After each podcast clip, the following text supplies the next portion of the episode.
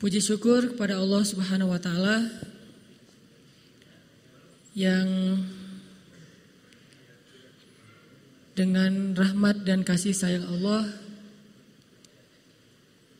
akhir-akhir ini kita bisa menyaksikan gimana fenomena yang mungkin gak pernah kebayang oleh kita beberapa tahun yang lalu tentang fenomena masjid diramaikan oleh anak-anak muda.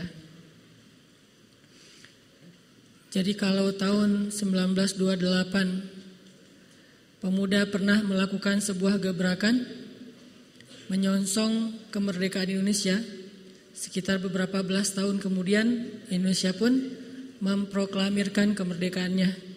Jadi awalnya diinisiatifin oleh anak muda terus baru lahir negara Indonesia.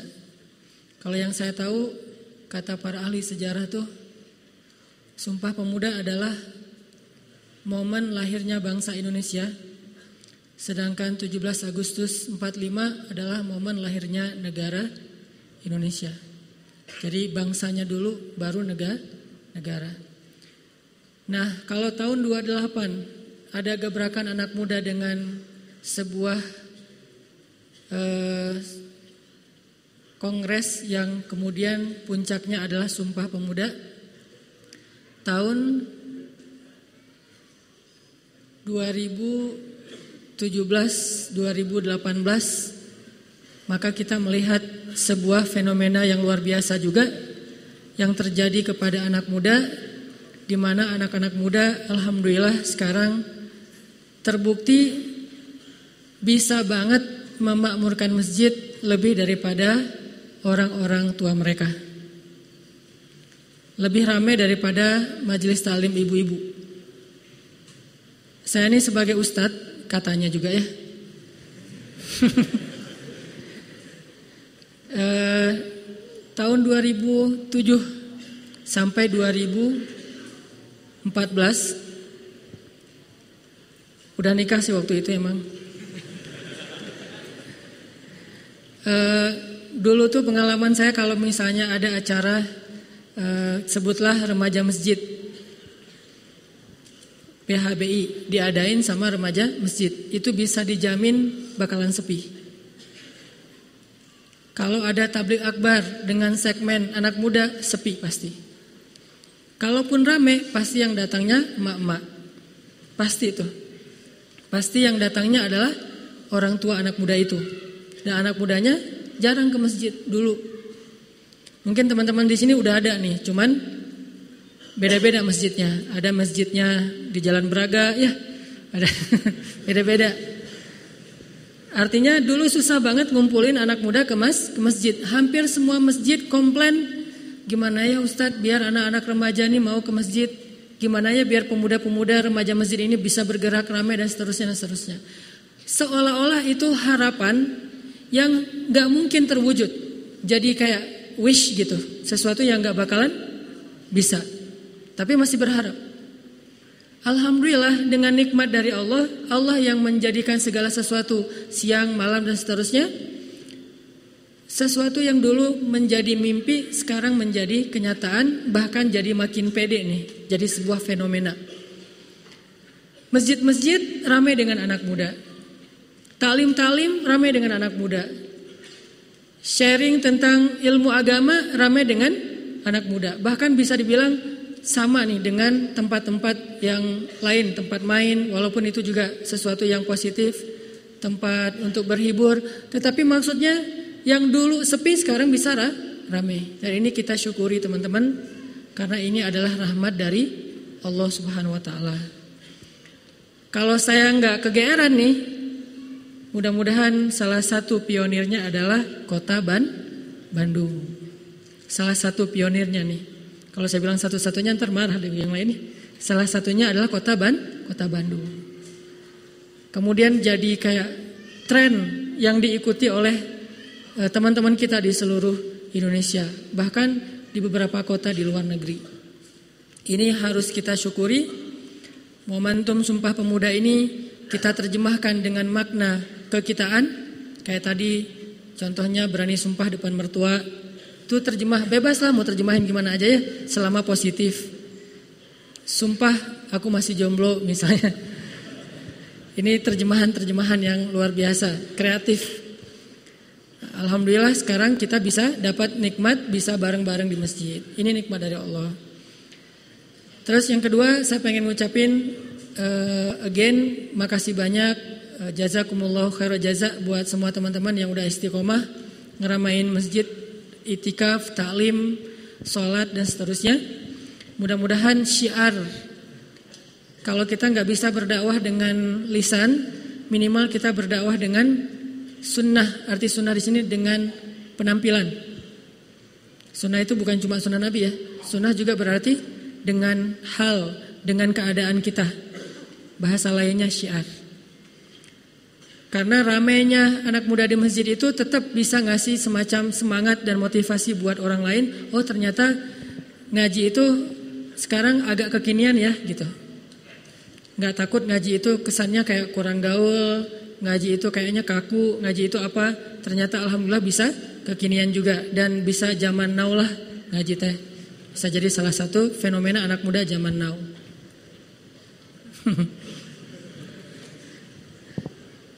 Karena tema-temanya juga zaman now banget kan, tema J tema tentang status.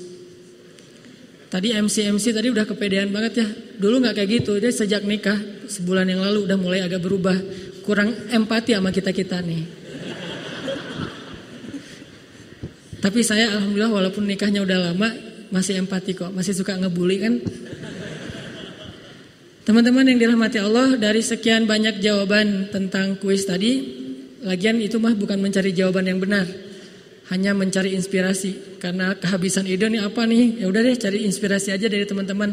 Semuanya benar cuman e, kalau yang lagi saya bahas sama Inong waktu itu kita lagi ngebahas gimana ya caranya ngejadiin masjid sebagai salah satu youth space kita pengen di Bandung ini ada namanya youth space berbasis masjid artinya anak muda tuh kalau mau nongkrong di masjid Anak muda tuh kalau mau main di masjid. Anak muda tuh kalau mau dapat wifi gratis di masjid. Mau ngecas handphone di masjid. Jadi masjid itu utable. Menyediakan banyak kebutuhan anak muda. Mau selfie di masjid ada spot selfie. Bahkan bisa dibilang tematik. Tema Korea, Timur Tengah. Timur Tengah udah pasti lah ya. Korea tinggal disesuaikan Korea berjilbab misalnya. Jadi masjid itu lebih utable, lebih memenuhi kebutuhan-kebutuhan anak muda. Termasuk nanti mungkin di masjid ada uh, jo, uh, meja jodoh. Jadi siapa yang pengen uh, mencari pasangannya jangan kepoin Instagram dulu, kepoin masjid. Eh, lo masih sendiri ke masjid deh gitu.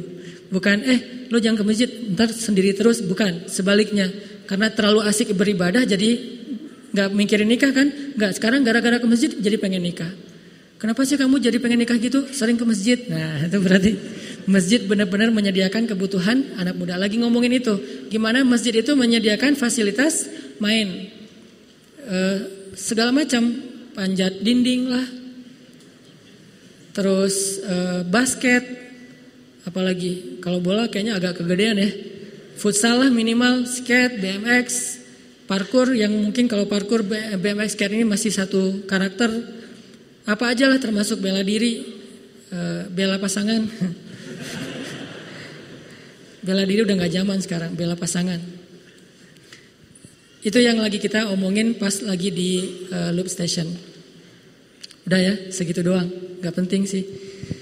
Nah, malam ini saya pengen bahas tentang salah satu eh, mungkin hikmah yang bisa kita ambil dari momentum sumpah pemu, pemuda. Dan karena saya lagi ngebahasnya dalam momen taklim, maka akan coba dikaitkan dengan uh, versi sejarah Islam. Walaupun sejarah bangsa kita tidak berbenturan dengan sejarah Islam. Sehingga tidak perlu dibentur-benturin. Oh, sejarah Islam nggak ada hubungannya dengan Indonesia. Ada tetap Islam Indonesia atau agama apa pun yang di, apa yang diakui di Indonesia tetap selalu ada kait mengait dengan sejarah bangsa ini, termasuk agama Islam. Nah, kita akan bahas apa sih yang bisa kita ambil pelajaran dari Sumpah Pemuda dari angle Al-Quran, hadis, sejarah Islam, agama, dari angle uh, syariah. Mungkin salah satu nih yang paling menonjol dari teks Sumpah Pemuda itu adalah kata bersatu. Atau kata sah, kata satu. Dalam bahasa kita mungkin gampangnya persatuan lah. Itu salah satu yang paling menonjol dalam teks Sumpah Pemuda. Dari bait pertama udah ngomongin tentang persatuan, bahasa, bangsa, tanah air dan seterusnya bersumpah untuk bersa bersatu. Jadi menurut saya terjemahan uh, sumpah di depan calon mertua itu terjemahan yang paling dekat dengan makna sumpah pemuda. Dalam satu angle ya. Kenapa? Gak mau lagi sendiri-sendiri. Gak ada lagi gelas saya, gelas kamu, tapi gelas kita. Gak ada lagi naik mobilnya sendiri-sendiri, tapi boncengan motor berdua. Kalau perlu, bawa jas hujan satu aja, jangan dua. Tapi kupluknya dua gitu ya, puncut. Maksudnya kata bersatu di dalam Sumpah Pemuda itu adalah kata kunci yang kayaknya menurut saya perlu kita angkat lagi nih. Dan alhamdulillah anak muda Bandung udah mampu menerjemahkan itu dalam realita konkret banget nih anak muda Jawa Barat. Salah satunya kita bisa ngelihat teman-teman dari anak-anak motor, ada Briges, ada XTC, ada GBR, ada Moonrakers, mereka udah bareng nih. Kayaknya dari dulu sih udah bareng. Saya aja yang kayaknya kurang update. Tapi alhamdulillah udah bareng di mas di masjid sekarang teh. Tetap memakai pakaiannya sendiri-sendiri. Anak brigas dengan pakaian brigasnya, anak XTC dengan pakaian XTC-nya, udah mau bareng. Dan ke depan, kalau saya punya mimpi, pengen bareng juga antara teman-teman anak-anak Viking, Jackmania, Aremania, dan Bonek. Amin ya. Kita ke Malang, kita ke Surabaya, kita ke Bandung, kita ke Jakarta, ini bisa bareng nih. Duduk dalam satu majelis, minum kopi bareng, satu gelas berempat. Mudah-mudahan itu terwujud. Alhamdulillah teman-teman Viking sekarang udah luar biasa. Panglimanya aja uh, udah belajar tahsin ya kemarin teh. Panglima udah belajar tahsin yang di bawah-bawah jadi gurunya, guru ngajarin tahsin kepada panglimanya, bisa kayak gitu ya. Teman-teman dari Brigas juga udah banyak yang belajar ngaji di Alatif, teman-teman XTC, Moonrakers, GBR. Ini sebuah gebrakan untuk menerjemahkan Sumpah Pemuda dalam terjemahan konkret, bukan sekedar slogan. Kalau diperingati, baca lagi teks Sumpah Pemuda itu keren. Tapi kalau nggak diterjemahkan dalam realitas, dalam eh, apa kegiatan-kegiatan yang konkret, kayaknya kita baru bicara slogan dan itu mudah. Jangan ngelihat loyalitas seseorang dari meneriakkan slogan. Bisa jadi orang yang paling tegas, paling keras meneriakkan Allahu Akbar atau La ilaha illallah, belum tentu dia yang paling loyal terhadap agama, belum tentu. Walaupun itu juga sebuah kebaikan. Karena sekarang banyak banget kan yang menggunakan eh, slogan-slogan uh, Islam, tapi kemudian diplesetin bisa untuk keuntungan pribadi bisnis. Kayak terakhir ada berita akun-akun yang mengatasnamakan kemanusiaan Suriah dan Palestina. Tapi ternyata itu sebuah modus. Modus penipuan. Udah dapat ratusan juta tuh. Kirim ke rekening ini dan seterusnya. Dia banyak yang posting. Ternyata itu akun-akun yang bukan eh, lembaga-lembaga sosial. Tapi pakai slogan ada kalimat la ilaha illallah, manggilnya ahi, antum, ana dan seterusnya. Kan ini kalimat-kalimat yang kesannya kayaknya udah paling bold lah, udah bukan light lagi tuh. Ternyata nggak kayak gitu. Orang belum tentu yang paling setia kepada bangsa Indonesia adalah yang paling keras meneriakan Indonesia Raya, walaupun itu suatu sesuatu yang membanggakan. Coba terjemahin semua slogan-slogan itu dalam bentuk konkret. Slogan la ilaha illallah dalam bentuk konkret amal soleh slogan hasbi Allah dalam bentuk konkret. Salah satu hasbi Allah konkret apa teman-teman? Hasbunallah deh, jangan hasbi Allah. Hasbi Allah mah jomblo ya. Nih ya, bedanya jomblo sama yang udah nikah. Kalau jomblo ngomongnya hasbi Allah. Kalau udah nikah hasbunallah. Tahu artinya? Hasbi Allah cukup buat saya Allah. Kalau udah nikah cukup buat kami Allah. Beda kan? Teman-teman rata-rata hasbiya atau hasbuna ya? Kalau saya hasbuna. Nanya panjang lagi tuh. Nah gitu ya. Maksudnya udah lama. Nah, hasbunal, hasbunallah. Apa terjemahan konkret dari hasbi Allah atau hasbunallah? Kalau ngomong kayak gitu mah gampang. Hasbi Allah, hasbi Allah, hasbi Allah. Gampang ngomonginnya, tapi menerjemahkannya dalam bentuk yang uh, realitas konkret. Salah satunya berani menikah walaupun belum punya pekerjaan. Itu hasbi Allah banget tuh. Ketika ditanya, kamu mau ngasih makan apa untuk anak saya? Nasi pak. Sama kan ngasih makan nasi mah ya? Gimana cara ngasih makannya? Allah yang memberi makan. Calon mertuanya juga, oh kalau Allah dilibatin saya udah nggak berani nolak, udah terima aja. Nah ini berarti hasbunallah nih. Terjemahan dari slogan kalimat hasbiyah atau hasbunallah. Kalau ngomongin hasbunallah doang mah gampang. Sama kayak kita bilang eh A'udzubillahi rajim. Tapi pas lewat kuburan bulu kuduk segala merinding gitu ya. Berarti belum menerjemahkan. Coba A'udzubillah rajim. Coba duduk di kuburan sendiri malam Jumat Kliwon. A'udzubillah rajim. Begitu ada apa eh, suara-suara yang kayak gitu, apakah kita jadi takut atau jadi gemetar atau jadi kabur? Nah, di situ terjemahan yang paling kong konkret. Ini artinya membaca slogan gampang, menerjemahkannya yang susah. Dulu para pendahulu kita membaca slogan teks Sumpah Pemuda diterjemahkan dan konkretnya apa? Mereka benar-benar berjuang bersatu untuk menegakkan Indonesia merde, merdeka. Sekarang kita terjemahin deh Sumpah Pemuda itu. Jangan cuma baca teksnya doang. Alhamdulillah teman-teman motor udah ngebuktiin tuh. Jadi kita belajar sama mereka tentang persatuan. Mereka udah ngebuktiin menghilangkan ego-ego kelompok atau pribadi demi kemaslahatan bersama yaitu persatuan di antara anak-anak motor.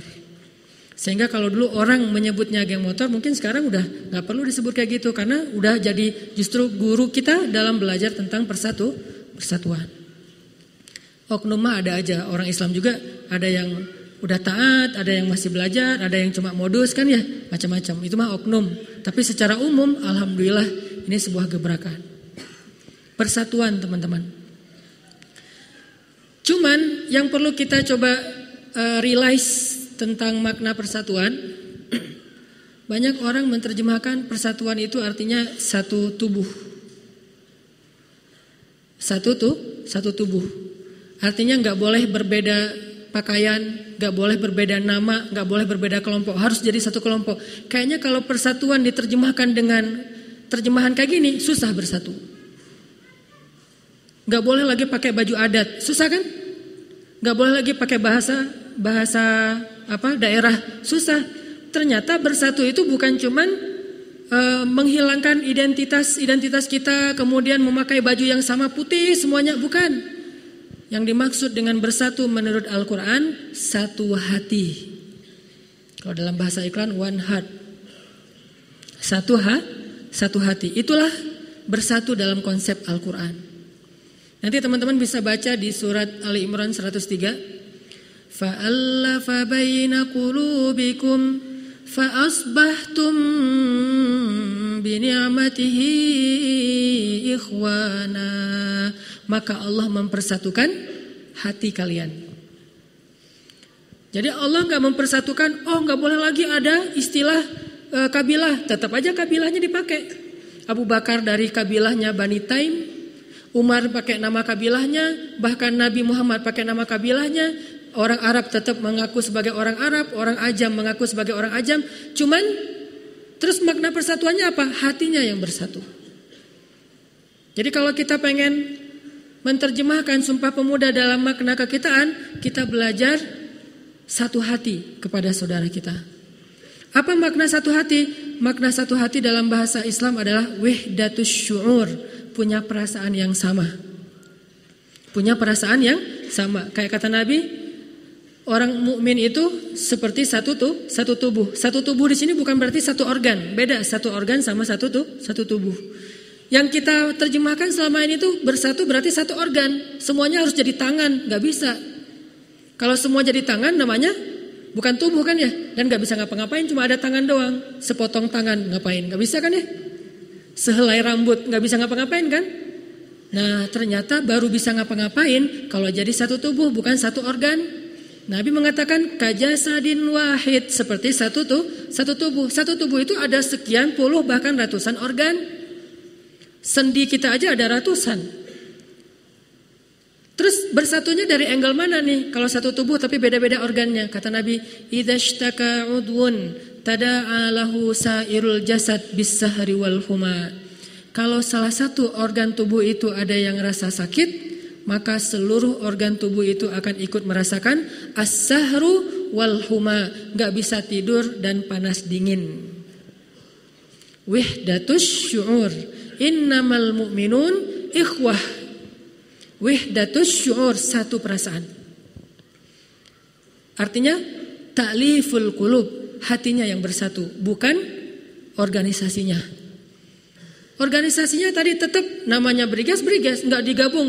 Brigas gabung sama XTC. BX apa misalnya? BX GM. Brigas XTC Moonrakers eh, apa? Eh, GBR Moonrakers nggak perlu. Tetap aja namanya dengan nama-nama sendiri-sendiri. Viking Viking, Jackmania Jackmania, bonek bonek, Aremania Aremania. Terus yang bersatu di, di bagian mana? Bajunya nggak usah disamain. Yang biru tetap biru, yang kuning tetap kuning dan seterusnya. Terus beda yang samanya apa? Samanya perasaan. Wehdatus syu'ur, udah sehati. Sama kalau kita dengan pasangan kita. Gimana jadi satu? Susah kan? Satu hati. Kalau udah satu hati, udah one heart, itu udah muncul yang namanya kepekaan. Sudah muncul namanya wa'yun, peka tuh. Duh kenapa saya nggak tenang ya? Soalnya dia lagi ada masalah. Wah satu hati nih. Jadi sebelum satu tubuh, satu hati dulu. Karena kalau nggak satu hati, nggak bisa ngapa-ngapain. Sehingga dakwah, salah satu misi dakwah itu adalah fannun lita'li fil kulub. Itu definisi dakwah. Seni membujuk hati. Sehingga dalam konsep dakwah Islam, la ikroha hafidin, nggak boleh maksa. Nggak boleh mak maksa. Kita nggak boleh maksa orang masuk Islam dengan cara gini. Ada teman kita non Muslim sakit, udah gitu nggak nggak mampu berobat. Terus kita bilang sama dia, eh uh, gua bantu aja deh lo untuk berobat ke rumah sakit, semua biaya gua yang tanggung. Tapi syaratnya lo masuk Islam ya, itu namanya ikroh, nggak boleh dalam agama. Itu namanya ikroh memaksakan orang masuk Islam itu nggak boleh. Terus gimana dong caranya? Ya udah bantu mah bantu aja. Kalau mau ngajak dia masuk Islam nggak boleh pakai syarat. Misalnya habis kita bantu, dia udah sehat, bukan hutang, udah kita ikhlasin. Kapan-kapan ketika udah normal, kita ajak pelan-pelan, kita mungkin bisa diskusi tentang agama, kita bisa tunjukkan akhlak Islam. Dia masuk Islam karena kerelaan hatinya, itu baru namanya dakwah. Tapi kalau kita bilang, kalau lo gak masuk Islam, lo masuk neraka lo, habis lo dimakan sama malaikat. Enggak. Bukan begitu cara berda berdakwah. Makanya dalam Islam dakwah Nabi itu selalu diawali dengan kalimat basyiran wa. Basyiran artinya berita gembira, nadhiran peringatan. Enggak pernah nadhiran wa basyiran. Pasti basyiran dulu baru nadhiran. Yang menggembirakan, yang menyenangkan. Jadi yang diomongin itu yang seru-seru, yang asik-asik dan bukan uh, apa? Bukan modus, emang benar. Islam itu banyak hal-hal yang nyaman, banyak hal-hal yang indah, Artinya hatinya yang dibujuk. Ta'liful kulub. Sehingga orang yang sedang dibujuk hatinya dalam konsep fikih dikenal dengan istilah mu'allaf. Mu'allaf itu bukan orang baru masuk Islam teman-teman. Itu mah terjemahan Indonesia banget lah. Di Indonesia kan mu'allaf itu orang yang baru masuk Islam. Padahal dia udah masuk Islam 10 tahun yang lalu masih disebut dia itu mu'allaf loh. Bukan itu arti mu'allaf. Mu'allaf itu orang yang lagi dibujuk hatinya supaya mau berhijrah, supaya mau masuk Islam. Jangan-jangan kita mu'allaf. Kenapa ke masjid? Soalnya tadi ada pembagian sembako. Mu'alaf. Kenapa ke masjid? Hmm, habis baterai. Mu'alaf. Kenapa ke masjid? Ada yang lagi dikecengin. Mu'alaf tuh. Ya, kenapa hatinya masih dibu, dibujuk untuk mau beramal soleh. Tapi yang udah ke masjid dengan kesadaran, yang udah senang bantu orang lain tanpa ada modus apa pun, itu bukan mu'alaf. Orang yang masuk Islam, taat sama Allah dengan kesadarannya, bukan mu'alaf, muslim. Walaupun baru sedetik dia masuk Islam, sehari, sejam, tetap aja Muslim. Tidak ada bedanya dia dengan kita yang Islamnya dari sejak lahir, nggak ada. Sehingga di sini kita coba uh, renungkan teman-teman. Oh berarti bersatu itu adalah bersatunya hati. Sehingga gara-gara kita paham ini, jangan sampai kita menuduh orang lain berpecah belah, menuduh orang lain nggak mau bersatu hanya gara-gara nggak mau satu organisasi. Wah anti persatuan nih, gara-gara nggak mau barengan dalam satu organisasi. Belum tentu. Selama dia tetap mencintai kita, empati, respect sama kita, maka itu persatuan. Walaupun organisasinya bisa beda be, beda-beda. Kenapa bisa berbeda? Karena persepsinya berbeda. Kalau perasaan, kalau pikiran susah disatuin. Tapi kalau perasaan bisa. Pikiran susah. Di mana pun saling mencintai, tetap aja persepsinya kadang-kadang beda. Nanti coba deh kalau udah pada nikah. Teman-teman jangan memaksa istri itu harus sefaham sama suami. Susah. Toh Nabi juga dengan istri beliau yang pada soleha gak harus selalu sama pemikirannya. Nabi menurut Nabi kayak gini, menurut istrinya kayak gitu. Tapi kalau satu perasaan bisa banget. Sehingga kata Allah, maka Allah menyatukan perasaan kalian. Menyatukan hati kalian. Dan kalau kita baca lagi di dalam surat Al-Kahfi, ketika Allah Subhanahu wa taala menggambarkan tentang anak muda yang melakukan sebuah gebrakan di Yordania, yang awalnya masyarakatnya itu jahiliyah, banyak kezoliman, yang kaya menindas yang miskin, yang yang kuat menzolimi yang lemah, muncullah sekelompok kecil anak muda, lagi-lagi anak muda nih. Apa bahasa Allah? Warobatna ala kulubihim. Maka kami pun mengikat hati mereka. Bukan kami satukan mereka dalam satu organisasi bukan. Warobatna ala kulubihim. Kami pun mengikat hati mereka. Sehingga gara-gara sudah terikat hatinya, robitatul kulub, makanya ada juga istilahnya dalam dakwah itu doa robitoh. Doa meminta supaya diikatkan hati. Kalau hatinya udah terikat, hatinya udah terbujuk, hatinya udah nyatu, yang lain mah gampang. Sehingga yang perlu kita terjemahkan secara konkret dari teks pemuda uh, sumpah pemuda adalah teman-teman jaga hati teman kita. Jaga perasaan teman kita. Empati, respect, faham tentang apa yang membuat orang lain tersinggung, sakit hati dalam segala urusan termasuk lewat sosmed, dalam bergaul, ketemu sama teman, di jalan, jaga perasaan orang lain. Itu makna dari persatuan. Karena kalau kita nggak jaga perasaan orang lain, kita mau ngomongin program, ngomongin wacana, ngomongin wawasan, eh, gagasan, ngomongin organisasi apa pun, nggak akan pernah bisa, nggak akan berhasil kalau hatinya udah terpecah belah. Mau dibujuk dengan apa pun nggak bisa kalau hatinya nggak nggak nyambung nih. Ngomongin gagasan pembangunan, ekonomi segala macam yang rumit-rumit yang kita juga mikirnya pusing gitu ya. Susah kalau hatinya tidak bersatu.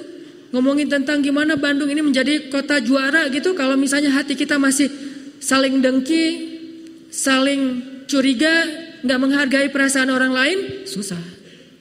Nggak usah jauh-jauh keluar di dalam rumah tangga aja susah untuk bisa uh, survive dari satu masalah kalau kita tidak bersatu ha, bersatu hati. Udah nggak ada lagi rasa sayang. Makanya Nabi Shallallahu Alaihi Wasallam salah satu misi beliau ketika hijrah ke Madinah membuat sebuah gebrakan baru adalah ta'akhi bainal muhajirin wal ansor mempersaudarakan antara orang muhajirin dengan orang ansor namanya tetap aja beda. Boleh pakai nama yang sama muslim boleh juga pakai nama yang berbeda, Muhajirin dan Ansor.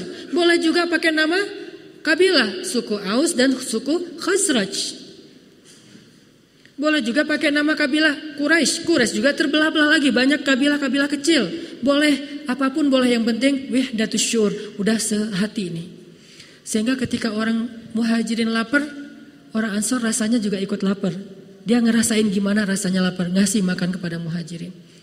Ada orang muhajirin jomblo kan Abdurrahman bin Auf hijrah dalam keadaan jomblo kan ya? Ini salah satu jomblo sukses. Pas tapi dia hijrah dalam keadaan enggak belum kaya tuh. Pas lagi hijrah nggak punya apa-apa, ditinggalkan semua di Mekah. Sampai di Madinah ditawarin oleh orang Ansor. Ya udah saya cariin ya cewek-cewek ansor yang keren-keren banyak loh. Saya punya banyak teman-teman atau keluarga yang keren-keren. Kamu mau nggak? Kata Abdurrahman, saya belum kepikiran mau nikah. Eh, saya mau kepikiran mempersiapkan mahar dulu. Ya udah nggak apa-apa. Saya ambil aja setengah dari pasar saya, setengah dari tokonya dikasih kepada Abdurrahman. Kenapa bisa mudah? Ngasih ini, ngasih itu segala macam karena hatinya udah sehati. Kenapa teman-teman kita lebih memprioritaskan keluarga kita daripada orang lain yang kita nggak kenal? Karena udah sah, udah sehati. Makanya salah satu misi kita kalau kita pengen menerjemahkan sumpah pemuda dalam makna kekinian, yuk kita sama-sama saling menjaga perasaan, menjaga hati. Yuk kita wihdatus syuur, satu perasaan di antara bangsa Indonesia atau anak-anak muda Indonesia. Insya Allah nanti kita lanjutkan setelah sholat isya. Barakallahu li walakum. Tadi kesimpulan dari sesi yang pertama ketika kita ngomongin tentang Sumpah Pemuda, salah satu warisan Sumpah Pemuda yang harus kita jaga dengan baik itu adalah warisan persatuan. Dari persatuan yang diawali dengan Sumpah Pemuda itulah akhirnya bangsa Indonesia itu bangkit dan puncaknya kemerdekaan kita di tahun 1945. Jadi persatuan itu adalah amanah warisan dari uh, orang tua kita, dari kakek nenek moyang kita, dari pendahulu kita bangsa Indonesia, sehingga itu menjadi salah satu di antara misi kita sebagai anak muda adalah persatu persatuan.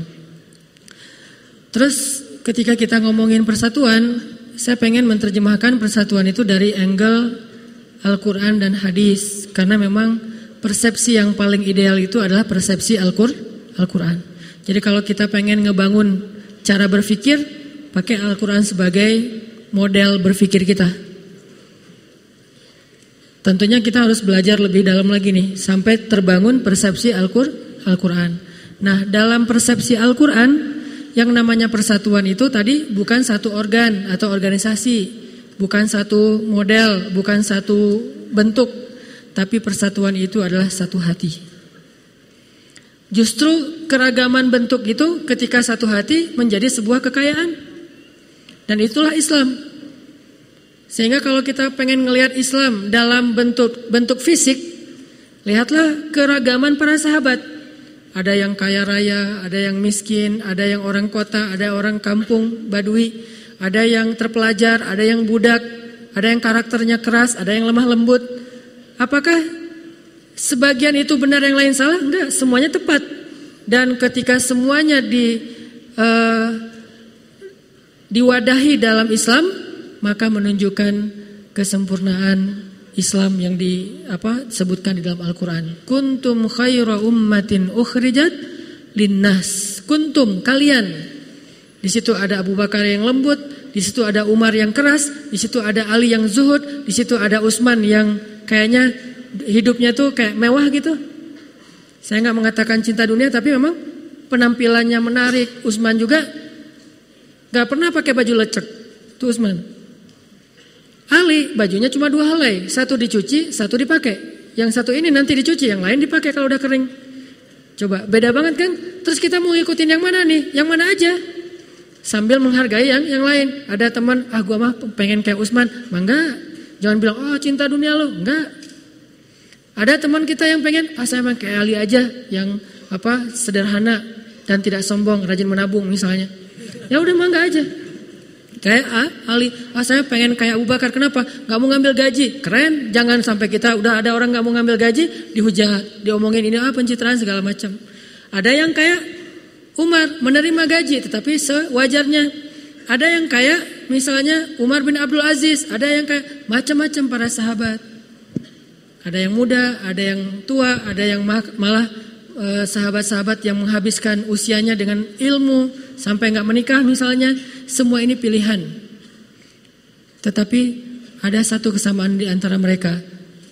Hati mereka sama. Fa'allafa baina qulubikum. Fa'asbahtum bi ni'matihi dengan nikmat ta'liful qulub, nikmat hati itu akhirnya ikhwana, jadilah mereka bersaudara. Ngelihat temannya tuh kayak ngelihat adiknya, kakaknya.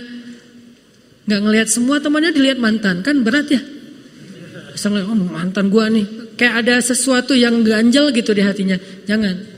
Walaupun nggak semua mantan itu musuh, sebagian sih. Berat eh, ngomongin mantan. Nah, jadi persatuan itu adalah satu hati, satu hati. Ini menurut Al-Quran. Warobatna ala kulubihim. Maka kami ikat hati mereka. Siapa mereka? Ashabul kahfi. Anak-anak muda dengan latar belakang yang beda-beda. Ashabul kahfi itu nggak semuanya sama. Bukan dari satu apa eh, komunitas terus tiba-tiba bikin gerakan. Enggak, mereka beda komunitas. Ada anak pejabat di situ teh. Ada anak orang biasa. Kalau bahasa kita dari berbagai macam permainan anak muda. Ternyata bisa melakukan kerja bareng. Kenapa? Karena warobatna ala kuhulu kulubihim.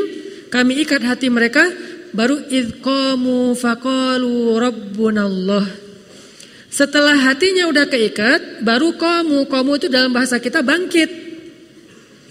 Idqamu faqalu, baru mereka bangkit dan meneriakan slogan yang sama. Tapi tidak diawali dengan slogan, diawali dengan hati. Baru bangkit, qalu mereka teriakan slogan itu, Rabbunallah, Tuhan kita, kami adalah Allah. Lalu ketika ada masalah, mereka uh, kompak gitu. Satu kata, tidak saling menyalahkan. Kenapa? Udah satu hati. Ini yang harus kita coba uh, ramein lagi nih teman-teman. Belajar wihdatus syuur. Kalau nggak bisa jadi hashtag karena susah bahasa Arabnya, ini gimana nulisnya nih? pakai in segala kan daripada oh, nggak jelas kan ya hashtag paling nggak jelas tuh ya udah hashtagnya susah juga kalau one heart jadi kayak iklan ya apa aja deh hashtagin nih viralkan satu hati di antara bangsa Indonesia ini warisan dari Sumpah Pemuda Nah, itu sesi pertama tadi. Sekarang sesi kedua, saya pengen ngebahas gimana cara kita menjaga wihdatus syur. Hatinya bisa tetap satu. Gimana caranya kita membangun sebuah perasaan yang yang sama antara kita dengan uh, saudara kita. Analoginya sederhana. Analogi cowok cewek aja. Gimana biar dia punya perasaan ke kita? Caranya gimana? Gak tahu caranya? Pantesan ya, aduh. Wah, harus saya sharing juga nih rahasia-rahasia dulu. Eh. Caranya kalau kita pengen bangkitin rasa sehati, ada dua.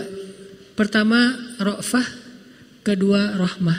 Ini konsep Al-Quran ya, nanti saya terjemahin. Pertama, ro, rofah, kedua, rahmah. Apa rofah?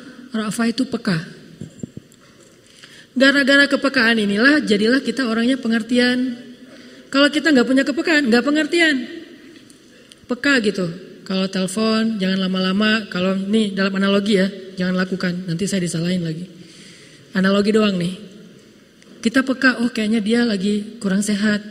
Langsung datang-datang bawa panadol. Kayaknya dia masuk angin, datang bawa antangin. Peka. Oh dia romantis banget ya, orangnya peka banget, tahu banget saya lagi gimana. Kayak Nabi tuh peka banget sama Aisyah. Kalau Aisyah wajahnya udah humaira, kemerah-merahan, pasti Aisyah lagi mah malu. Sampai Nabi pekanya ke Aisyah, cara manggil aja Nabi peka. Aisyah lagi marah sama Aisyah lagi senang, itu beda manggilnya. Kalau Aisyah lagi senang, Aisyah tuh akan kalau lagi senang tuh ngomongnya warabbi Muhammad, demi Tuhannya Muhammad. Kalau Aisyah lagi ngambek, Aisyah akan bilang warabbi Ibrahim, demi Tuhannya Ibrahim. Nabi tahu itu tuh. Makanya Aisyah pernah nanya, Nabi gitu. Kalau orang sekarang manggilnya Bibi gitu ya. Abi kalau sekarang mah ya. Terlalu soleh, eh Abi, papa lah.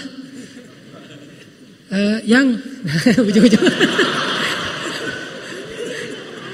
Tadi semuanya pencitraan ini yang benar nih. Yang uh, kata Aisyah ke Rasulullah, yang uh, kamu tahu nggak aku lagi kalau lagi ngambek atau lagi nggak ngambek? Tahu kata Nabi. Gimana taunya? Nih Aisyah lagi ngetes kepekaan Nabi. Kata Nabi, kamu tuh kalau lagi senang sama aku, kamu akan bilang warabi Muhammad, warabi Muhammad. Bisa artinya demi Tuhan Muhammad, bisa artinya alhamdulillah dalam bahasa yang lain. Tapi kalau kamu lagi ngambek, kamu akan bilang warabi Ibrahim. Kalau Aisyah udah ngomongin warabi Ibrahim, nggak nyebut padahal suaminya juga kan Nabi kan. Kayak kita suami kita tuh misalnya suami kita, istri kita. Bahaya. Bahaya eh. Saya nggak punya suami, semua punya istri. Tapi dia perempuan ya, bukan laki-laki. Nah, kalau istri kita, sebutlah istri kita tuh misalnya uh, pinter masak. Dia punya kayak brand cake gitu atau apalah, punya masakan yang khas. Sebutlah misalnya istri kita tuh pinter masak dan punya warung padang. Kalau kita lagi senang, kita akan bilang, ah ini kayak masakan mama nih. Gitu kan ya? Kalau kita lagi nggak senang kita bilang, wah kayak masakan ibu saya nih. Nah, orang yang peka kayak gitu tuh. Nah, tinggal kita peka nggak dengan saudara kita? Apa yang membuat dia bete? Apa yang membuat dia nggak nyaman? Apa yang membuat dia tersinggung? Apa yang membuat dia ilfil? Kepekaan, empati yang tinggi itulah yang menjaga persaudara, persaudaraan. Sehingga ketika kita ngomong, ketika kita komen, ketika kita bertindak, ketika kita ngelakuin sesuatu, selalu berpikir dengan angle perasaan orang lain. Baik itu keluarga kita, tetangga kita, teman main kita, teman sekolah kita, beda sekolah, beda komunitas, apa pun lah, bahkan beda agama sekalipun, kita jaga dari angle dia. Makanya Allah saking ngejaganya nih, Allah bilang, janganlah kalian mencela Tuhan-Tuhan mereka, sehingga mereka akan mencela Tuhan kalian tanpa mereka fahami. Beda agama kan? Yang satu muslim, yang satu non muslim, kita jaga jangan sampai kita ngeledekin Tuhan mereka. Jangan sampai kita ngeledekin syariat mereka, jangan sampai kita ngeledekin hal-hal yang sakral dalam persepsi mereka, dalam persepsi dan kepercayaan mereka. Ketika kita lakuin itu, nanti mereka pasti akan membalas terjadilah perpecahan. Itu diajarkan di Al-Qur'an. Jangan kita ngeledekin Tuhan orang lain, nanti mereka akan balas ngeledekin Tuhan kita. Tapi kalau mereka yang ngeledekin Tuhan kita, ya udah, siapa yang paling baik berarti dialah yang menunjukkan akhlak, kalau kita mengklaim Islam adalah agama terbaik, tunjukkanlah akhlak kita lebih baik dari mereka, kan gitu. Jangan sampai kita mengklaim agama Islam itu agama terbaik, ternyata kita nggak bisa nunjukin akhlak kita lebih baik dari orang lain. Berarti kita hanya eh, kata-kata uh, yang nggak ada buktinya. Gak enak mau bilang omong kosong eh. Kata-kata yang nggak ada buktinya nih. Islam terbaik, sunnah terbaik. Apa? Orang Islam tuh apa? Nabi itu akhlaknya uswatun hasanah tunjukin dan itu amanah di dalam pundak di atas pundak kita. Ketika kita mengaku sebagai muslim, berarti kita punya tanggung jawab menunjukkan keindahan Islam kepada manusia. Tanggung jawab. Kayak kita ngaku, saya sebagai orang Aceh, berarti saya mewakili orang Aceh. Kalau saya ngelakuin kesalahan, semua orang Aceh kena gara-gara saya. Saya orang Bandung, begitu saya ngelakuin kesalahan, ah ternyata orang Bandung gitu juga.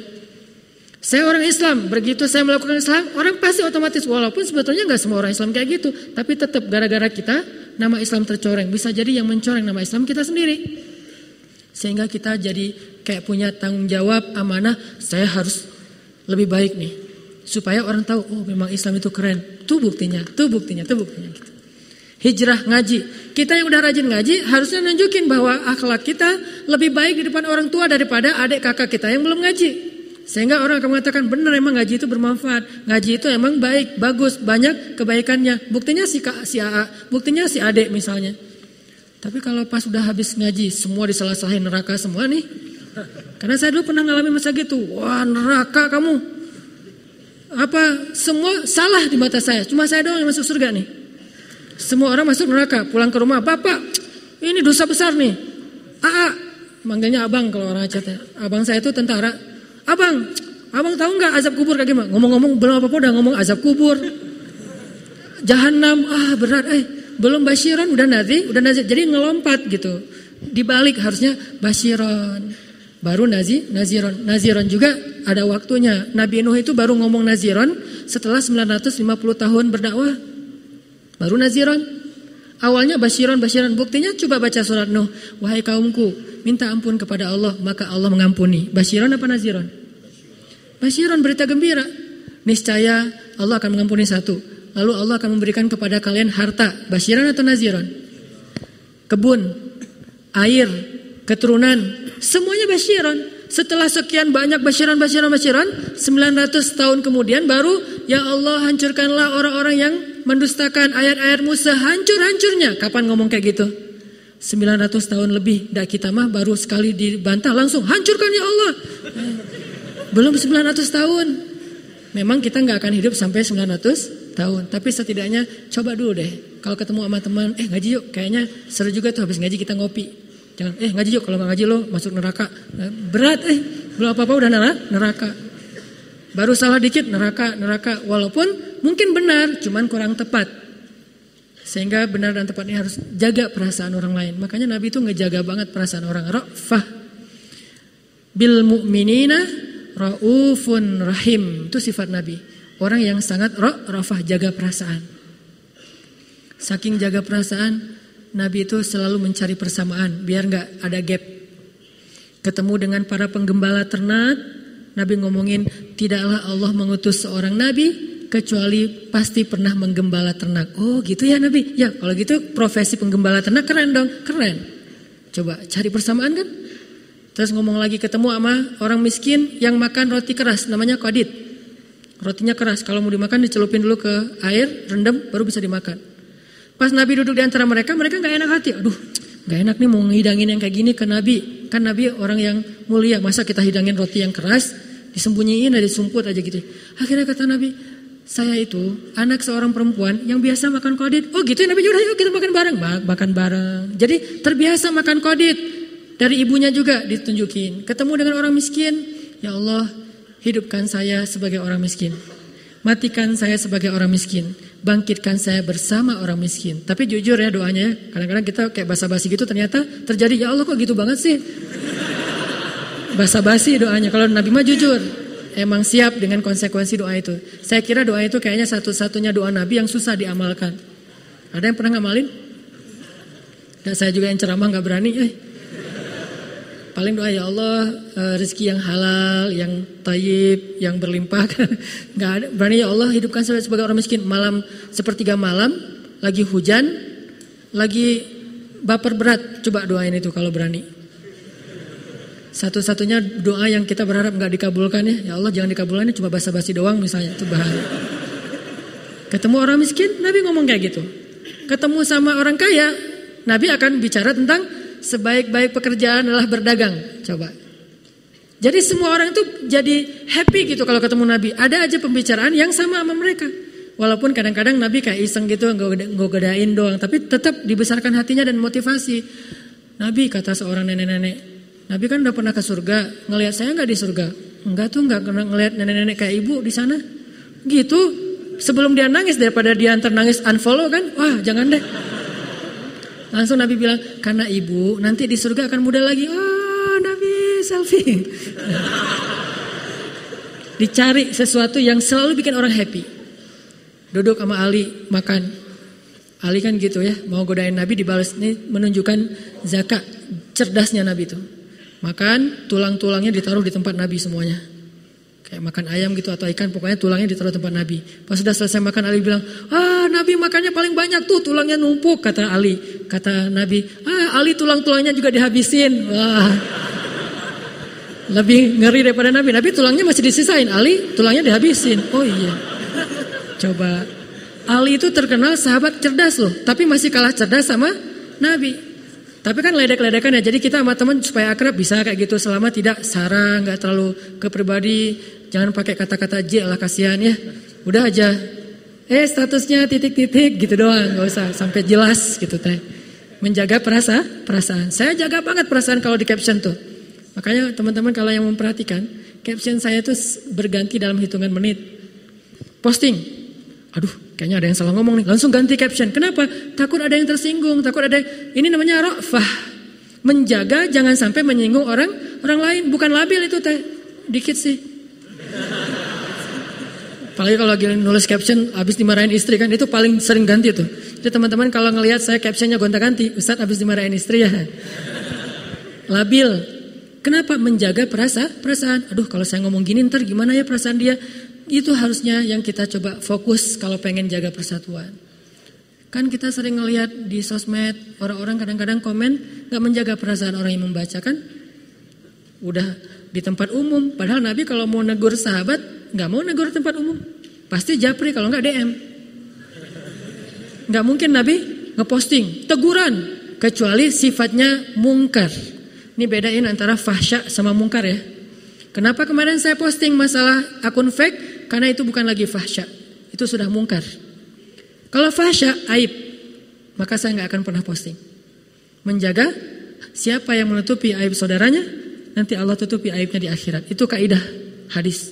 Tapi kalau udah mungkar, kewajiban kita untuk mensyiarkan supaya tidak ada kor korban. Kalau teman-teman ada yang berpikir, Ustadz udah sabar aja deh, ini bukan bab sabar, bab kemungkaran. Dan kemungkaran, nahi mungkar, dicegah. Kayak misalnya kita punya uh, teman atau pembantu yang sering nih. Pembantu misalnya aibnya sebutlah, maaf ya, maaf, dia uh, ada penyakit sedikit dengan uh, aroma tubuhnya. Itu nggak usah diomongin ke orang lain. Jangan pekerjain dia uh, bau badan misalnya. Jangan itu aib. Tapi kalau dia masalahnya adalah nyuri barang, itu bukan aib, itu mungkar. Sehingga kalau ada teman kita mau mempekerjakan dia di rumahnya, terus konsultasi dulu sama kita yang pernah mempekerjakan dia, boleh membuka aib itu dan ini termasuk gibah yang dibolehkan.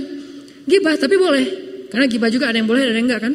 Dusta juga sama kan? Bohong yang dibolehkan dengan bohong yang tidak dibolehkan. Secara umum nggak boleh, tapi ada tiga kondisi yang dibolehkan. Gibah juga kayak gitu. Gibah tentang kemungkaran. Oh, dulu dia pas kerja di rumah saya pernah ngambil barang, uang warna receh habis saja pokoknya. Pas pulang saya perhatiin baju saya banyak yang hilang. Setiap nyuci baju ngambil satu, nyuci baju ngambil satu. Akhirnya pas pulang jadi satu, datang-datang satu apa uh, uh, ransel kecil, pulang dua koper. Bisa jadi kayak gitu. Terus kita kasih tahu ke orang lain, apakah kita menggibah? Ya, tapi gibah yang dibolehkan dalam syariat. Adapun kalau kesalahannya bukan mungkar, yang nggak merugikan orang lain, cukup DM. Apalagi belum tentu itu salah, cuman versi kita salah. Nah, kan berarti masih uh, apa ya, masih relatif ya, belum pasti maka DM Japri. Nabi kalau ada sahabat yang ngelakuin kesalahan yang nggak ngerugiin orang lain, Nabi akan bicara secara umum atau langsung ke orangnya secara pribadi. Contoh secara umum gini, ada sahabat yang uh, Umar bin Khattab. Umar bin Khattab itu pernah datang bawa buku ditulis sama orang Yahudi. Isinya cerita-cerita mitos, fiksi lah. Jadi buku fiksi cerita gitu cerpen novel-novel fiksi dibawa sama Umar. Kata Umar Rasul Rasul Rasul ini ada buku cerita bagus banget loh. Rasul mau baca kata Umar. Cuman di dalam cerita itu banyak kekeliruan. Kan orang Yahudi suka hiperbola dalam cerita hal yang benar jadi salah yang salah jadi benar. Kan suka gitu orang Yahudi. Makanya buku itu bahaya bisa membahayakan imannya Umar. Pas Nabi baca cerita itu langsung Nabi mengambil air di nggak disobek sama Nabi bukan dibakar. Ambil air tintanya dihapus. Udah gitu Nabi mengatakan sesungguhnya di dalam Al-Quran banyak kisah-kisah yang bermanfaat, yang baik, yang penuh makna. Umar diam. Kemudian eh, ketika udah ngumpul di antara orang banyak, maka Nabi SAW mengatakan wahai kaum muslimin, Al-Quran adalah sebaik-baik bacaan. Bacalah dia, tadaburi di dalamnya ada kisah-kisah teladan. Nabi nggak mengatakan jangan kayak Umar tuh, tadi bawa CD-CD yang aneh-aneh, saya juga nontonnya pokoknya 18 apa gitu. Gak ngomongin kayak gitu ya. Ini a, aib. Sehingga Nabi, loh kenapa kita jadi tahu? Karena beliau Nabi. Sehingga jadilah itu sebuah kisah yang kita baca. Kalau e, Nabi itu bukan seorang utusan Allah, mungkin itu akan jadi cerita cuma mereka berdua yang tahu. Ini namanya menjaga perasaan. Kalau kita ngomong jaga perasaan, peka. Wah, ini kayaknya ada yang salah ngomong nih. Ini kayaknya dia nggak nyaman nih. Ini kayaknya ngerti banget pengertian dan itu bikin orang langsung sehati itu. Kan itu analogi orang yang lagi PDKT kan? Pengertian banget. Kamu lagi ini ya. Kok kamu tahu sih? Sehati. Seorang ibu ke anaknya, saya sering cerita, pokoknya kalau rambut saya udah panjang, ibu saya pasti telepon. Bang, rambutnya udah panjang ya? Ya mak, potong kata mak saya, langsung potong. Kenapa? Ternyata ibu saya kayak ada kepekaan seorang ibu kan ke anaknya, bang lagi sakit ya? Ya mak, ya udah jaga kesehatan ya, ya mak gitu. Di Mesir sama di Indonesia sampai kayak apa connect gitu. Kenapa? Karena udah sehati. Gitu juga kita kepada uh, sesama saudara kita, ke orang tua jaga perasaan. Kayaknya uh, mak ini pasti nggak senang kalau saya ngomong kayak gini. Jaga, jangan sampai menyinggung orang tua, menyinggung ayah, ibu, saudara, tetangga, teman. Termasuk jangan sampai menyinggung mantan. Walaupun dia sering nyinggung kita sih, cuman ya jangan dibalas lah ya. diomongin aja di tempat umum kan nggak tahu siapa mantan kan ya nggak ada nggak ada sedikit oke. Okay. serius banget sih dengerin bab mantan. Rok, rofah jaga perasaan. Kayak misalnya eh, parkir. Ini kalau saya parkir gini ntar orang bisa keluar nggak? Mikir. Bukan cuma yang penting saya udah dapat tempat terserah orang lain. Nggak gitu. Nih kalau saya duduk kayak gini ntar dia gimana ya? Sampai saking menjaga perasaannya, kata Nabi eh, apa berhias dan pakailah parfum yang baik kalau kita datang ke masjid. Salah satunya masjid sih karena masjid itu tempat orang ngumpul. Kenapa? Biar nggak mengganggu saudara kita di sebelah, terutama bersiwak. Bersiwak itu dalam bahasa kita bersihin gigi. Kenapa? Jangan sampai kita baca doa saking semangatnya ya sebelah langsung. Kenapa dia nggak baca doa? Tahan nafas. Berarti kita nggak menjaga perasaan oh, orang. Jaga banget perasaan orang. Yang sering terjadi saking Nabi itu rafah sampai orang yang nggak rafah sama beliau. Lalu diajarkan oleh Allah. Saya pernah cerita yang surat Al-Ahzab orang-orang bertamu ke rumah Nabi terus nggak pulang-pulang kan?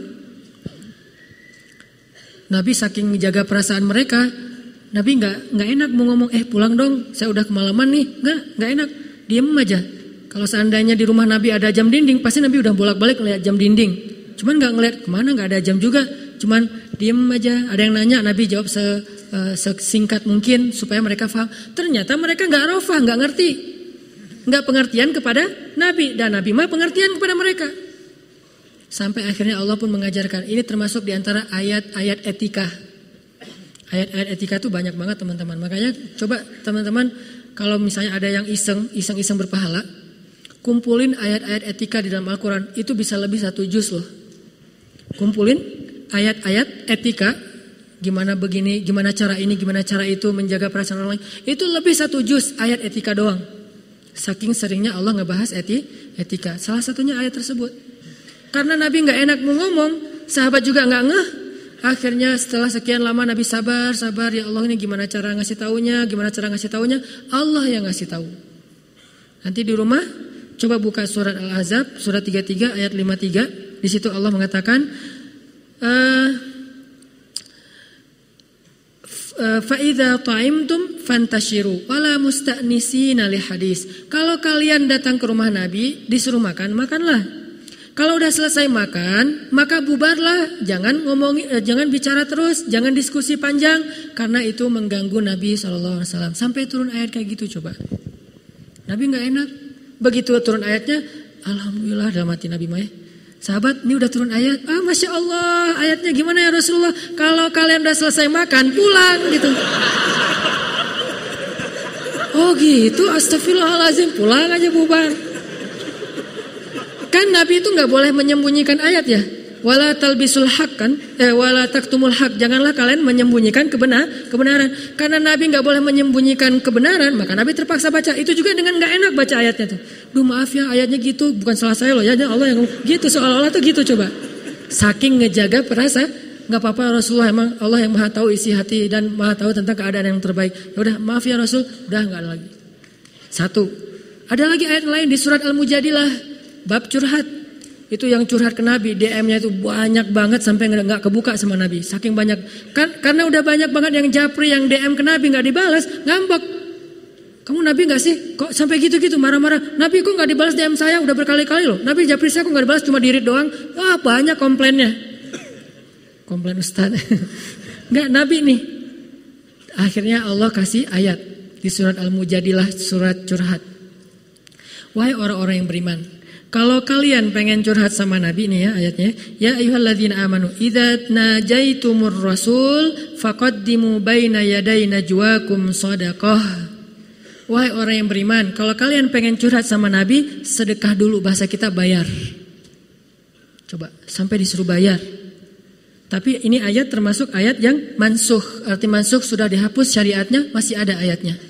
Kenapa ayatnya masih ada tapi syariatnya udah nggak ada supaya jadi pelajaran buat kita. Ternyata pernah ada yang kayak gitu-gitu juga di zaman Nabi. Lihat surat Al-Mujadilah nanti di rumah ayat 12. Wahai orang yang beriman, kalau kalian pengen mur rasul, pengen curhat sama Nabi, faqaddimu baina yaday najwakum sadaqah. Bayar dulu. Nabi bingung. Wah, disuruh bayar. Ini berapa ya? uh, apa tarifnya? Nabi tanya ke Ali, Ali, menurut kamu kira-kira bayaran untuk curhat berapa ya? Kata Ali, dua genggam padi, dua genggam gandum, dua genggam beras. Kata Nabi, ah kamu mah zuhud banget sih, segitu doang murah. Akhirnya ditetapkanlah sekian-sekian untuk bayar kalau pengen curhat, ngasih dulu. Gara-gara itu akhirnya berkuranglah orang yang DM. Berkuranglah orang yang e, ngejapri Nabi. Sehingga Nabi jadi lebih leluasa dalam dakwahnya. Karena udah terlalu banyak. Jangankan Nabi ya, Ustadz aja bisa dikejar dengan curhatan yang panjang lebar. Di scroll juga nggak selesai-selesai kan. Gimana ngejawabnya nih? Baca juga nggak akan selesai. Saking panjangnya curhat. Ternyata Ustadz ngalamin kayak gitu apalagi Nabi yang dicintai lebih daripada Ustadz. Yang diharapin lebih daripada Ustadz. Pasti kebayanglah Nabi itu riuh banget tuh dengan curhat-curhatan umatnya. Akhirnya Allah ngebelain. Kalau kalian pengen curhat bayar dulu. Karena banyak curhat gak penting-penting juga sih. Standar pertanyaannya. Nabi saya lagi galau gimana ya? Gitu doang sih masalahnya. Padahal udah tahu jawabannya banyak istighfar, banyak sholawat, banyak sholat kan ya. Cuman pengen dengar aja langsung dari Nabi. Padahal sama aja. Sampai akhirnya Allah mengatakan sedekah, bayar. Setelah berkurang orang yang curhat sama Nabi gara-gara disuruh bayar, baru kemudian ayat ini dihapus. Ya udah sekarang nggak perlu bayar lagi. Makanya dalam istilah istilah tafsir ada ayat-ayat nasikh, ada ayat-ayat man mansuh, ada ayat yang menghapus, ada ayat yang dihapus. Ayatnya ada, tapi hukumnya udah nggak boleh diamalkan. Ini teman-teman etika menjaga perasaan. Termasuk ada juga nanti ayat jaga perasaan Nabi kalau lagi manggil Nabi. Ada orang teriak-teriak dari belakang, dari luar, ya Muhammad, ya Muhammad. Sahabat kemudian uh, apa kayak mau mukul gitu. Kamu sama Nabi nggak sopan, turun ayat. Rendahkanlah suara kalian, janganlah memanggil Nabi dari balik dinding. Maksudnya nggak sopan, nggak menjaga perasaan Nabi sampai Nabi kaget lagi duduk kaget gitu suaranya kencang banget kayak lagi ada kebakaran atau lagi ada apa gitu. Nah ini namanya rafah menjaga perasaan. Itu yang coba kita lakukan teman-teman kalau mau mewarisi persatuan, jaga perasaan. Karena kalau hati udah terjaga, insya Allah yang lain mudah. Rafa. Yang kedua, rahmah. Apa itu rahmah? Rahmah itu artinya pengen menyenangkan, pengen ngasih. Kalau Rafa nggak pengen ngerepotin, kalau rahmah pengen nyena, nyenengin. Salah satu cara menyenangkan hati orang lain adalah misalnya kata Nabi, uh, Tabassumuka liwaji akhika falaka sodako. Kalau kamu tersenyum ke arah wajah saudaramu, kamu dapat pahala sedekah. Berarti kalau kita mau menjaga persatuan, belajar menghadiahkan senyum. Membiasakan senyum. Coba perhatiin aja di jalan. Kalau kita saling pelotot-pelototan apa yang terjadi kan? Tapi kalau ada papa, uh, sesuatu terjadi di jalan, berpapasan, disenyumin, orang yang tadi mau melotot gak jadi. Berubah kan? Dan saya pernah gak gitu. Sayanya yang melotot. Bisa nyumin, aduh jadi malu eh Ustadz masa melotot ya gitu. Atau sebaliknya pas ada orang yang marah-marah sama saya bapak-bapak itu. Nyalip dari kiri, saya nggak ngelihat karena dia nyalip tiba-tiba dari kiri. Oleng gitu kan karena sempit di sebelah kiri teh. Marah-marah, kamu segala macam. Salah saya apa pak? Kamu bawa motor nggak ngasih jalan buat orang lain. Ya pak, maaf kalau saya salah. Ya udah, di mana tinggalnya? udah kenalan. Oh ini Ustadz Hanan, udah berubah. Dari awalnya marah-marah, jadinya pengen sel selfie. Ada yang kayak gitu. Lewat apa? Lewat senyum. Memang nggak gampang teman-teman. Saya nggak mengatakan ini berarti saya udah sempurna ya. Jangan dituntut Ustaz Hanan tuh harus sempurna kayak diomongin. Enggak. Toh Nabi juga kadang-kadang melakukan kekeliruan walaupun bukan kesalahan. Apalagi sekedar ustadz. Tapi bedanya orang soleh sama orang gak soleh. Orang soleh itu kalau ngelakuin kesalahan bisa memperbaiki. Dinasehatin, oh ya saya salah, perbaiki. Jangan berharap orang soleh itu uh, suci, enggak, dia manusia bukan malaikat. Malaikat ada kadang-kadang uh, apa uh, salah faham, walaupun kesalahpahaman malaikat itu kemudian Allah perbaiki. Banyak kasus-kasus kayak gitu. Intinya uh, senangkan hati orang, itu rahmah. Paling gampang hadiahin senyum deh. Kata Nabi tahadu tahabu, saling berhadiahlah kalian, maka kalian saling mencintai. Ini cara menjaga, apa, menjaga persatuan atau membangkitkan semangat bersatu, saling berhadiah. Jadikan program hidup kita pengen ngehadiahin temen. Minimal hadiahnya apa? Senyum. Minimal hadiahnya apa? Kali apa? Qaulum eh, ma'ruf sedekah. Ucapan yang baik adalah sedekah. Sururun tudkhiluhu fi qulubil mu'minin. Amal yang paling disukai Allah adalah membahagiakan hati orang lain. Allah suka banget tuh. Terutama hati keluar, keluarga, orang tua, pasangan, menghadiahkan dengan kata-kata yang menyenangkan hati. Mama cantik banget sih mah. Ah itu langsung benar-benar sedekah pagi-pagi. Jadi kalau misalnya kita pagi-pagi pengen sedekah, puji istri kita yang udah punya. Yang belum, di list aja dulu puji-pujiannya. Tulis di buku, di apa di note ya, tulis nanti kalau saya udah punya istri saya bakalan kayak gini gitu. Ternyata belum juga, tulis lagi. Jadi makin lama menjomblo, kosakata gombal makin banyak. Sehingga begitu nikah, karena udah saking matangnya, romantis banget. Saking mah matangnya. Ada sisi positifnya juga sih menurut saya.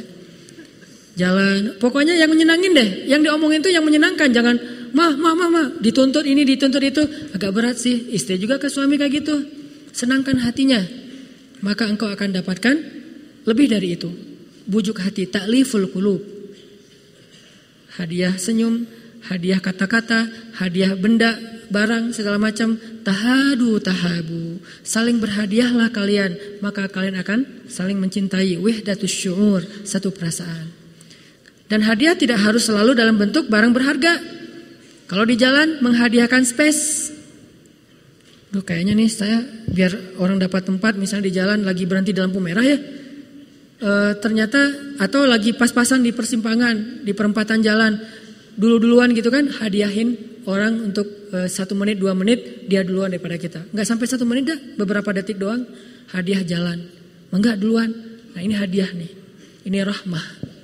Nabi itu kayak gitu banget teman-teman. Makanya coba kita belajar untuk e, mengamalkan dua hal ini.